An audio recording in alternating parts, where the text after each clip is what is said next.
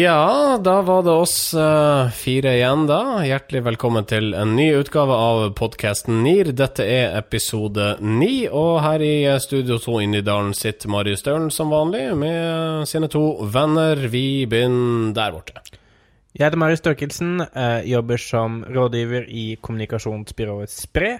Uh, og utover det så er det ikke så mye mer å si sånn innledningsvis, i hvert fall. Nei. Men det kommer. Velkommen til deg, i hvert fall. Takk. Jeg har litt mer på hjertet. Det er Sindre Holme som sitter her. Jeg uh, må si at uh, jeg har uh, gått gjennom en interessant uke. Altså, siden vi begynte med disse podkastcastene, så har jeg liksom sugd til meg alt av informasjon. Så, så, jeg på en måte jeg, jeg, jeg, sitter her med utrolig mange inntrykk. da. Ja. Blant annet så var jeg her innom Ica uh, her om dagen og så en forside på Vi Menn hvor det sto 'Kvinnen som fødte kaniner'. Og tenkte jeg, Er det noe vi kan ta opp? Vi Menn var jo lenge et av de magasinene som virkelig pusha jaktdreven journalistikk fremover. da. Ja. Uh, men har nå falt for de litt mer sånn kommersielle grepene uh, som mange andre jo også har falt for. Man ser jo bl.a. på lesertallene til Jakt og fiske mm. at de har jo dalt veldig eh, etter at de la om til sin mer kommersielle sånn poppis-profil. Eh, jeg derimot, jeg leser mye Vi med fiskestang, uh, som er sånn avantgarde av uh, fiskejournalistikk. Jeg er veldig mye på jakthund.no, for det er, det er, litt mer spesifisert. Altså Det som har skjedd innen jakt- og fiskesegmentet, er jo at det har kommet mange, en myriade av nye kanaler. Fem, for, fem, for, fem, år siden så var det kun eh, to eh, jakt- og fiskebaserte Twitter i Norge. Nå har det økt med over 100 eh, Og det sier mye om utviklingen dette feltet har hatt. Så det er fem nå, da, eller? Ja, fire, da, for det var fem, men så var han døde, han ene. Ja. Um, han var ganske gammel, faktisk. Ja, ja, eller det var vel en jaktulykke? Ja, ja, alder slash jaktulykke. Det er vel bare et spørsmål om tid før jakt og fiske skifter navn til noe sånt som jakt og fiske og pupp. Og på en måte nærmer seg segmentet til uh, vi menn, da. Ja, eller få veldig sånn Dagbladet-drevet journalistikk sånn Slik lever du 50 år. Uh, dette er lavkarbodyrene å mm. fange. Mm. Uh, Ikke sant? Pass opp for reinfett. Ja, eh, jeg tror vi stopper skravla der. Vi har et tettpakka program også i dag. Vi skal bl.a. få høre om en antivirusgründer som nå er på rømmen fra politiet, og han blogger om det. Vi skal innom eh, stabburet, som uh, har blitt litt opprørt i det siste. Ok. Vi skal til et såkalt nyhetsmedie som har gått utover sine rammer. Ja vel. Du sier såkalt? Det gjør jeg. da, tror jeg vi starter. Vi får en jingle her. Norske informasjonsrådgivere. Vi starta denne sendinga med Anders By og Jon Niklas Rønnings nye humorprogram. Det heter By og Rønning og hadde vel premiere på NRK her lørdag i forrige uke. Og um, et av innslagene i dette programmet har da terga på seg en av landets største matvareprodusenter. Ja, Det her dreier seg om Grandiosa. Eh, kommunikasjonsdirektør eh, Dag Olav Stokken i Stabburet han sier til Kampanje at uh, den sketsjen som Bjørn Rønning har lagd, det er mobbing. Altså det er sjikane, og han bruker alle orda i ordboka om stygge ting. Ja, for det er altså det Bjørn Rønning har gjort her, det er at de har laga en, en Grandiosa-sang som omtaler Norges angivelige favorittpizza i ikke fullt så flatterende ordelag som det Lars Kilevold tidligere har gjort. Vi skal høre et lite klipp fra denne filmen, hvis det er ok? Kjør på. Og kjøttet er vassent, men prisen er grei. Så du spiser det vinter, vår, høst og sommer. Men ikke skyld på oss når du får mangelsykdommer. Vi snakker feil pizza, vi snakker dårlig snakker Ok, vi stoppa der. Mangelsykdommer, en seig bunn. Det er ikke særlig positivt. Altså, min favorittlinje er, er er du heldig, kan du vente deg et hjerteinfarkt. Ja, riktig. Eh, så de, de, drar jo på, da. Men eh, så skal jo sies eh, Grandiosa er jo eh, nordmenns eh, nasjonalrett. Eh, og den har fått fantastisk mye positiv oppmerksomhet opp gjennom åra. Og er liksom, det er jo en ubestridt matmerkevaren vi har. Ja. Så den skal tåle en del støy, støyt Tåle en støyt, tror jeg vi skal si. Ja, ja og nettopp derfor syns jeg jo eh, når Stokken først går ut og sier noe på vegne av stabburet eh, For det første mener jeg at han burde ikke sagt noen ting, men når han først sier noe, eh, så er jo det at han, han tar den offerrollen. Han snakker ikke på vegne av seg selv, han snakker på vegne av det norske folk og sier at By Rønning er åndssnobber. De latterliggjør alle de tusener, millioner av nordmenn som hver uke liker Grandiosa, eh, liksom fordi det er ikke finkultur nok, og det er ikke godt nok for liksom da eh, Det er ikke god nok mat. det er ikke riktig mat å spise. Ja, altså, det, jo, det, jo, det, ligner jo litt på retorikken som Frp har brukt. Eh, det må være fornærma på vegne av veldig mange. Eh, jeg tror at mange har en sånn dobbelthet eh, rundt det å spise Grandiosa. De vet at det er ikke spesielt sunt. Altså Ferdigmat er sjelden det. Det har vært en lang debatt om næringsinnhold i ferdigmat. Den er jo merka, det? Jo, jo, men det er, det er jo altså Nøkkelhullmerkningen, det skal vi bare få oppklart en gang for alle, det er da det sunneste alternativet innenfor den kategorien man befinner seg i. Ja, sånn, ja.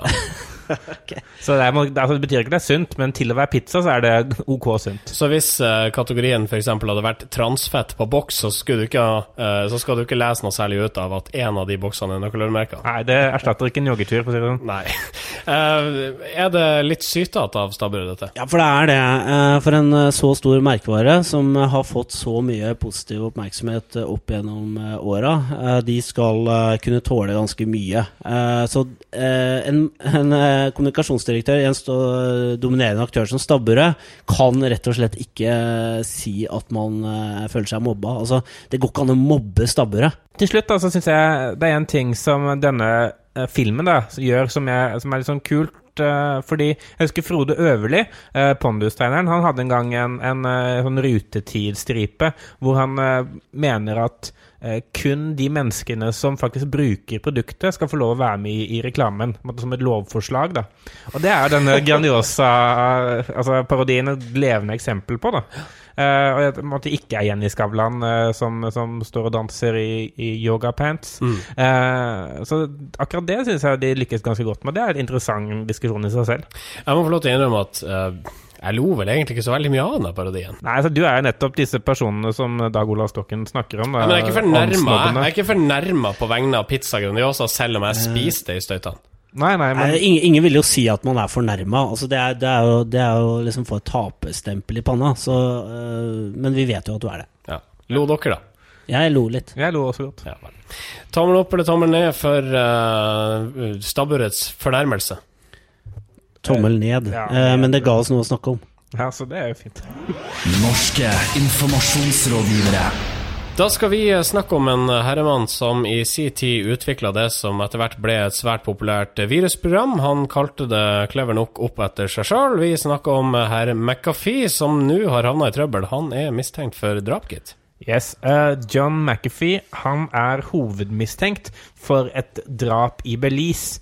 Uh, og det kvalifiserer ikke til omtale på NIR, men det at han har valgt å uh, blogge på flukt. Eh, det kvalifiserer til omtale, syns jeg. Eh, fordi eh, Det er interessant fordi han må jo prøve å, ut, å bevise sin, uskyld, og blogger mens politiet leter etter han. Uh, og dette har jo mediene plukket opp på og omtalt. Uh, og blant annet Mashable.com hadde en artikkel i går hvor de skriver om denne bloggen og bare forteller om fakta. og mitt spørsmål, egentlig, og derfor grunnen til at jeg vil diskutere det, er er det greit? Jeg syns, syns det ikke er helt greit. Hva er ikke greit? At han får eh, den plassen i mediene kun fordi han er kjent. da. Eh, for han er tross alt drapsmistenkt. Ok, Sindre Holme, du får svar, da. Ja, uh, jeg uh, syns uh, det er greit, jeg. Ja. Fordi det er, det, er, jo ikke vi, De tar jo ikke, tar jo ikke stilling til skyldspørsmålet her. Men, men nettopp den Jeg syns det er en vesentlig nyhetspoeng i at han faktisk blogger på flukt og er ettersøkt. Og allikevel på en måte gjør sin stemme hørt da, og, og argumenterer for sin sak mens han er på flukt. Men det er ganske bør ikke interessant. Han det, bør ikke han gjøre det overfor politiet? Argumentere sin sak, ikke sitte og, jo, og blogge på rømmen? Ja, men altså Den herre øh, veldig mye omtalte Øygard-saken, og da fikk jo øh, Rune Øygard fikk jo forhåndsprosedere. Var det greit? Uh, nei, men der var jo en redigerende Der var det jo journalister som bestemte at han fikk gjøre det. Mm -hmm. Altså, de gjorde jo portrettintervjuer av han. Men her har jo han en blogg, og tek tekniske muligheter gjør at han kan uh, Altså, det, det, går ikke an å lage en lovhjemmel for å ikke kunne blogge noe på rømmen. Det blir Nei. jo veldig rart. Nei, det er det. Men jeg bare syns det er litt rart at det dukker opp på Mashable.com. Fordi Mashable.com, for de som ikke kjenner det, er en sånn tech sosiale medieside. Og grunnen til at de omtaler dette, er jo fordi det er en blogg. Altså Hvis han hadde skrevet en brev til, redaksjonen sånn ja, se, nå er jeg på rømmen, og dette er min side av historien, så hadde de sannsynligvis ikke omtalt det eh, kun fordi han måtte ha funnet opp et antivirusprogram en gang. Så det, så det, altså, de, så de omtaler det Ja, men de omtaler det som en, sånn, som en slags kuriosa. da Se ja. på denne fyren som er mistenkt for drap, liksom. Det, men, men, eh, men, eh, jeg vil si altså, dekningen er rimelig sånn sober, syns jeg. Fordi Eh, han, det er nettopp det dekningen handler om. At han har valgt et uvanlig grep. Altså han har, tatt, uh, han har begynt å blogge om det. Men det handler jo ikke altså Det som er interessant, er om hvis Mashable fortsetter å sitere denne bloggen. Mm. Uh, hvis de fortsetter å liksom, ja, dekke ja, postene han kommer med om hvor John han, McAfees dag tre på den? Ja, ja altså, da begynner det å bli et problem. Ja, jeg tenker på Nå tar jeg en tilfeldig kjendis ut av løftet her, så ingen må henge seg opp i valg av kjendis. Nei, nei, Men si at Didrik Solli Tange kongen da skulle få eh, en, eh, en, et, en drapsmistanke hengende over seg. Og så rømmer han. Han rømmer til Zanzibar, og der sitter han og blogger om eh, drapsmistanken og prosederer eh, sin egen sak. Jeg, jeg tror du vil... ikke Dagbladet ville skrevet om det? Jo, Dagbladet ville skrevet om det fordi, ja, det han er, fordi han er kjendis. Men altså, hvis Sagnett da hadde begynt å omtale det fordi han liksom er sanger, eller Hans Petter uh, Nygaard Hansen hadde omtalt det fordi det er blogg, da syns jeg at nyhetskriteriet er liksom borte. Da. Jeg kunne forstått det hvis The Sun eller altså Han var ikke han så kjent, for han er en antivirusprogramoppfinner, men uh, Altså, jeg jeg, jeg syns ikke kanalen er riktig. Jeg syns de, de, ikke er på plass, altså på Mashables plass, å omtale. Så det er ikke greit for Mashable å omtale dette her, men dersom New York Times hadde gjort det, så hadde det vært ok? Det, det, det syns vært greiere, faktisk. Okay. Det som er, kan være problematisk her, det er at ikke Mashable klarer å sette det inn i en større kontekst. Altså si hvorfor er dette interessant. Uh, de refererer det bare til som hendelsesnyhet, egentlig. Uh, og hvor, eh, som uh, Torkelsen sier her, hvor mediebruken er nyheten. Uh, så det hadde jo vært selvfølgelig mye mer interessant hvis vi kunne sagt hva, hva, hva gjør dette nytt? Altså hvorfor er denne måten å, å, tale sin sak på interessant, og er det etisk riktig eller ikke? Mm. så hadde vi hatt ja, det, mye mer interessant sak. Da. Og så er det sånn, Hvis han har vært mistenkt for noe annet, sånn, altså hvis det har vært noe verre, sånn type uh, pedofili eller noe sånt, så se på denne pedofilimistenkte som har fått seg Twitter-konto.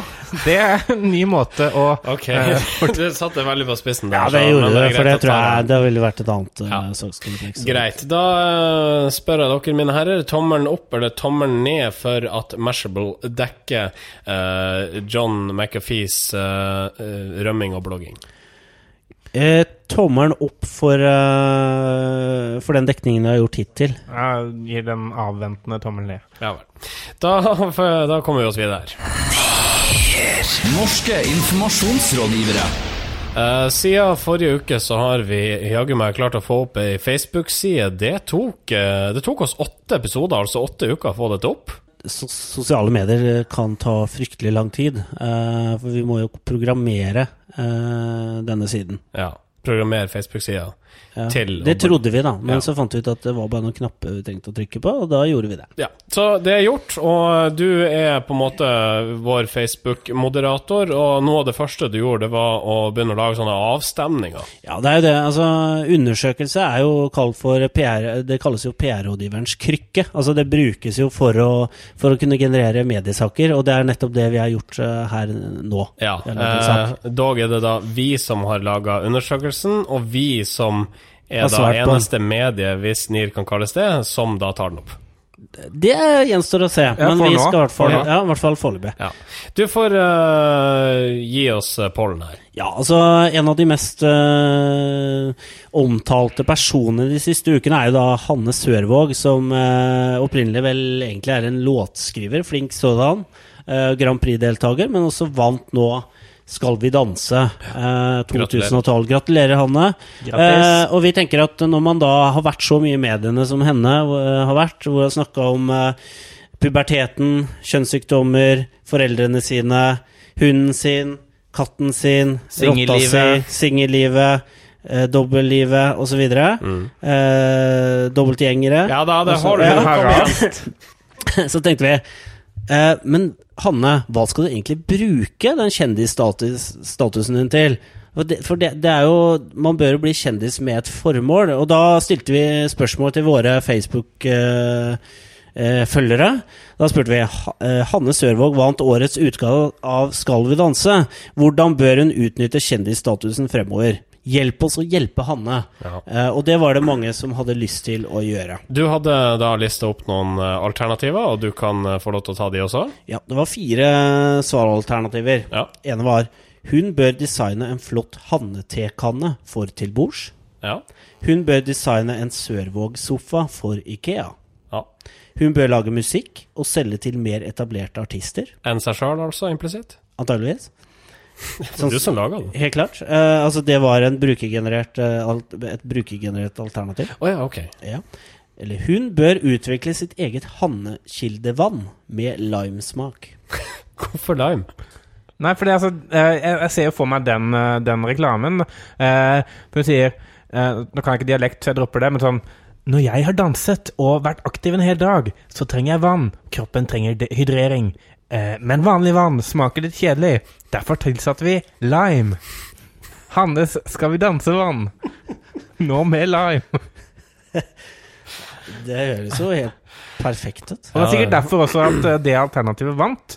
Eh, det fikk godt over 50% av stemmene, på nær 60% av stemmene. Ja. Og det er jo det hun bør gjøre. Absolutt. Design vann. Vann selger, og vann er også gode marginer på, så det syns jeg er veldig smart av våre lyttere. Ja. Uh, Sindre, du skal lage poll til uh, uka som kommer også? Det skal uh, jeg gjøre. det gjør vi nå fra nå av, så gjør vi det hver mandag. Ja. så da kommer det en ny poll hvor du må engasjere deg for å kunne påvirke da hva vi prater om. Rett og slett. Mm, og hva mm. vi prater om. Ja. Vil, vil, du ha dine ord i vår munn? Stem på pollen, da vel. Skal vi bevege oss videre, da? Vi beveger oss. La oss bevege oss videre. Ikke gjør dette. Det er alltid noen som gjør noe galt, sånn at vi i ettertid, som en gjeng med Captain Hindsights, kan uh, komme og si 'ikke gjør dette'. Uh, problemet er det at det er litt for seint, men vi får heller la det stå som lærdom til andre. Og i denne uka så dreier det seg om motebladet Costume. Hvem som har lyst til å forklare det her? Det er um, jeg som skal orientere om det. Ja. Uh, Costume har Eh, designet en kolleksjon for Bik Bok. Eh, og den kolleksjonen står på forsiden av novemberutgaven av det her motebladet. Ja, Og der står det eh, altså Bik Bok pluss costume. Det er helt riktig. og det har Det er jo litt problematisk, for i tekstreklameplakaten så står det at det skal, man skal opprette et klart skille mellom markedsaktiviteter og redaksjonelt arbeid, og at alt som omtales på redaksjonell plass, skal være journalistisk motivert. Uh, og det har vi fått av Carl Erik Grimstad, som tidligere var en sånn hoffekspert, uh, eller kongehusekspert, nå okay. presseetisk uh, orientert, til å kalle dette for en hodeløs handling av en inkompetent redaktør. Jeg må arrestere Carl Erik litt på én ting. Jeg tror nok ikke hun er inkompetent. Jeg tror nok at hun Vanessa Rudjord i Costume er fullt klar over hva hun har gjort. Eh, og som hun sier selv, at uh, de har orientert leserne over det. Uh, men det gjør det ikke greit. Altså, det er jo en grunn til at man har et skille mellom redaksjonelle interesser og kommersielle interesser. fordi altså, man er avhengig av at leserne faktisk stoler på at det som står i bladet, står der fordi de som skriver om det, syns det er interessant. Mm. Og ikke fordi de har fått penger for det. Eh, Rudjord er jo eh, ikke enig i kritikken. For hun sier jo at eh, vi opplyser, opplyser, tydelig at dette er et samarbeid mellom Costume og Big Book. Og vi har belyst prosessen rundt denne produksjonen grundig i Costume. Eh, vi fatter ikke hvordan vi kunne vært tydeligere på dette. Eh, og den grundigheten av den tenkte jeg skulle sjekke. Hvor grundig har de vært? da? Ja. Eh, og da ser jeg jo, det omtales på lederplass i Kostium. Men det er liksom da, det som står, da, det er at på side 108 viser vi deg kolleksjonen vi har designet for Big Book. Men den kan du gå festsesongen i møte uten å blakke deg helt. Oh. Så det er jo ikke en redegjørelse, det er jo rett og slett en Mer reklame, egentlig. Mer reklame. og så har du bilder, bildeserie på åtte-ti sider inni bladet. Ja. hvor det ikke står noe tekst. Jeg synes det er utrolig kult at man i redegjørelsen faktisk evner å få frem at dette er også billige klær. Ja. så som, som, du sier, det var mer reklame, da, og mer sånn Du burde faktisk kjøpe dette. Ja, for Prisene sto vel oppført i sin helhet, gjorde de ikke det? Altså alle prislapper? Sikkert QR-koder som man kunne skanne seg inn og kjøpe ja. det der og da. Skann denne QR-koden og få denne kjolen tilsendt eh, fraktfritt hjem til din egen adresse, så fremt du ikke bor i Nordland og Troms og Finnmark. uh, men jeg vil anbefale alle dere der ute på, som ønsker å jobbe i et moteblad, til å gå inn på presse.no og tekstreklameplakaten. Der er det et dokument som er på sånn ca. to A4-sider. Det er ikke mye bilder, så det kan være litt vanskelig å lese. Men der står det det du trenger å vite. Ekstremt. Men uh, jo men, bare, Hadde du noe mer å tilføye her? Ja, hadde egentlig det. Der har jeg Men eh, det falt, i på steget. Ja. Marius, du kan få prate nå. Jo, men jeg bare tenker uh, Dette er jo så problematisk av noen annen årsak. da Fordi tenk hvis det kommer fram at Bik Bok produserer de billige klærne sine på slavearbeidfabrikker i Ny-Guinea. Uh, Costume kunne da faktisk ikke dekket det, fordi Costume tjener penger på at disse klærne selger. Og da det at de faktisk uh, produseres av slavearbeidere, det hadde ikke vært bra for dem. Så uh, ikke gjør det, da. Ikke Nei. gjør det, da. Språksparta og Snir. Det er på tide å bli eh, belærende igjen. Vi skal ta for oss et uh, nytt uh, ord. Det er ikke et fremmedord, men uh, det er kanskje et litt vanskelig ord å forstå. Og det ordet er paradoks. Og paradoks er ifølge Wikipedia en diskrepans, en uoverensstemmelse mellom hva en teori sier, og hva sunn fornuft forventer. Og dette er et ord vi har bitt oss merke i blir brukt feil relativt ofte. Ja, Særlig i politikken. Altså, det høres ut som det er eh, et eh, enkelt ord å bruke, men det er det faktisk ikke. Uh, for eksempel så er et ganske ferskt eksempel her hvor Unio-leder Anders Folkestad mener det er et stort paradoks at et langt fattigere land enn Norge satser mer, penger, mer penger på forskning enn Norge. Og da viser han til andre EU-land, som Portugal f.eks. Ja. Men det han sier der, altså det, det, er ikke et paradoks. Det er uh, kanskje ironisk, litt ja. snedig, litt rart, uh, litt dumt, faktisk. Ja, litt, uh... men det er ikke et paradoks, faktisk. Nei. og vi har vel etter hvert som vi har drevet forska på dette ordet, for det har vi brukt mye tid på også, ja. um, kommet til at vi trenger litt eksperthjelp. Så det vi har gjort, det er at vi har vært borte hos Språkrådet og prata med seniorrådgiver Dag Simonsen, som her skal gi oss en forklaring på dette vanskelige vanskelige ordet paradoks? Det er jo eh, for et gresk ord som betyr det som strider mot eller er ved sida av det som er allment akseptert som sant. F.eks. Eh, 'Evig eies kunde tapte' av Henrik Ibsen. Altså, det er jo slik at det, det rare er at man skulle eie noe som er tapt. Men det er jo sant at det som går tapt, det vil ha festa seg i sinnet, og det vil fortsette å leve. Det er nok sånn at, at man i dag bruker paradoks på mye løsere måte, nærmest eh, i betydningen rart, noe som er rart. Hvorfor blir det sånn, egentlig? Nei, Jeg vet ikke, men det, jo, det er jo slik at ord og begrep som blir populære, de blir lett overbrukt. Skal vi akseptere uh, bruken av det slik den fremstår i dag? Altså, vi kan jo ikke kontrollere hva folk sier og skriver rundt omkring i verden, der ute, som det heter nå for tida. Men det betyr ikke at det kommer til å bli fjerna eller endra med forklaring i ordbøkene. Altså, det har jeg liten tro på. Altså. Språkrådet irriterer seg i det skjulte? Språkrådet kan ikke irritere seg, Språkrådet er jo statsorgan. Men det er vel folk her som irriterer seg, akkurat som det er utenfor Språkrådet. Ja. Gjør du det? Eh, ikke så mye som mange kanskje tror.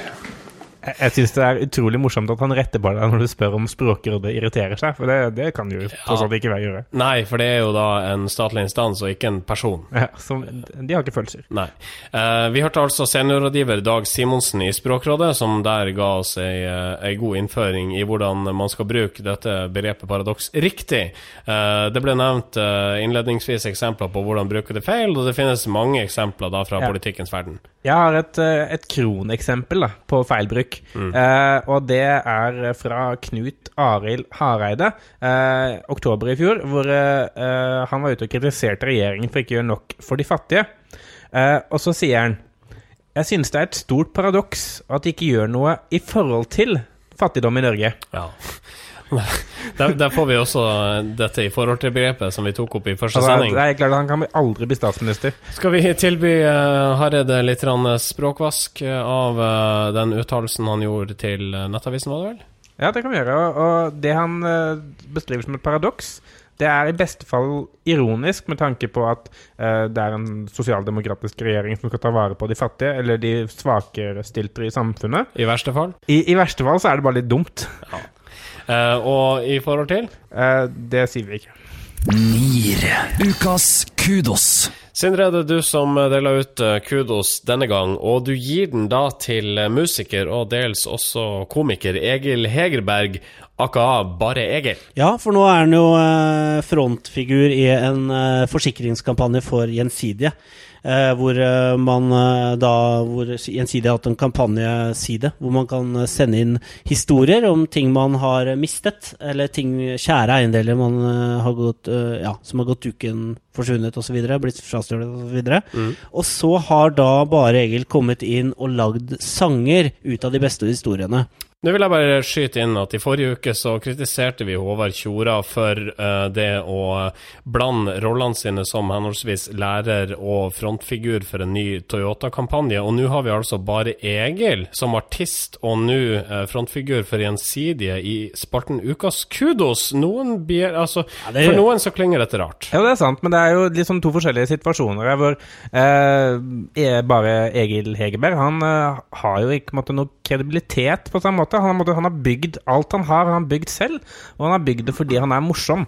Eh, Tjora sin eh, kredibilitet var bygd på at han var veldig flink og uh, hjalp barn. Uh, bare e-, Egil han gjør ingen av delene. Uh, han er flink til å lage musikk, men han er først og fremst kanskje artig. da mm. Og så er det jo smart grep av altså det som Dynamo, da, som står bak den kampanjen, har gjort sammen med Gjensidige. Hvor det, altså, tematikken er såpass uh, så nært knyttet til mennesker og noe menneskelig og em emosjonelt. Gjennom at det er ting man har mistet og, og sånn. Og så krydrer man det med litt humor fra Egil Hegerberg, og da blir resultatet Det føles ikke så kommersielt, og det føles litt sånn godhjerta. Så jo flere PR-jippoer Egil Hegerberg gjør for norske virksomheter, jo mer kudos får han i NIR? Han kunne kommet med en spray, ser jeg for meg, og det hadde, det hadde, vi likt.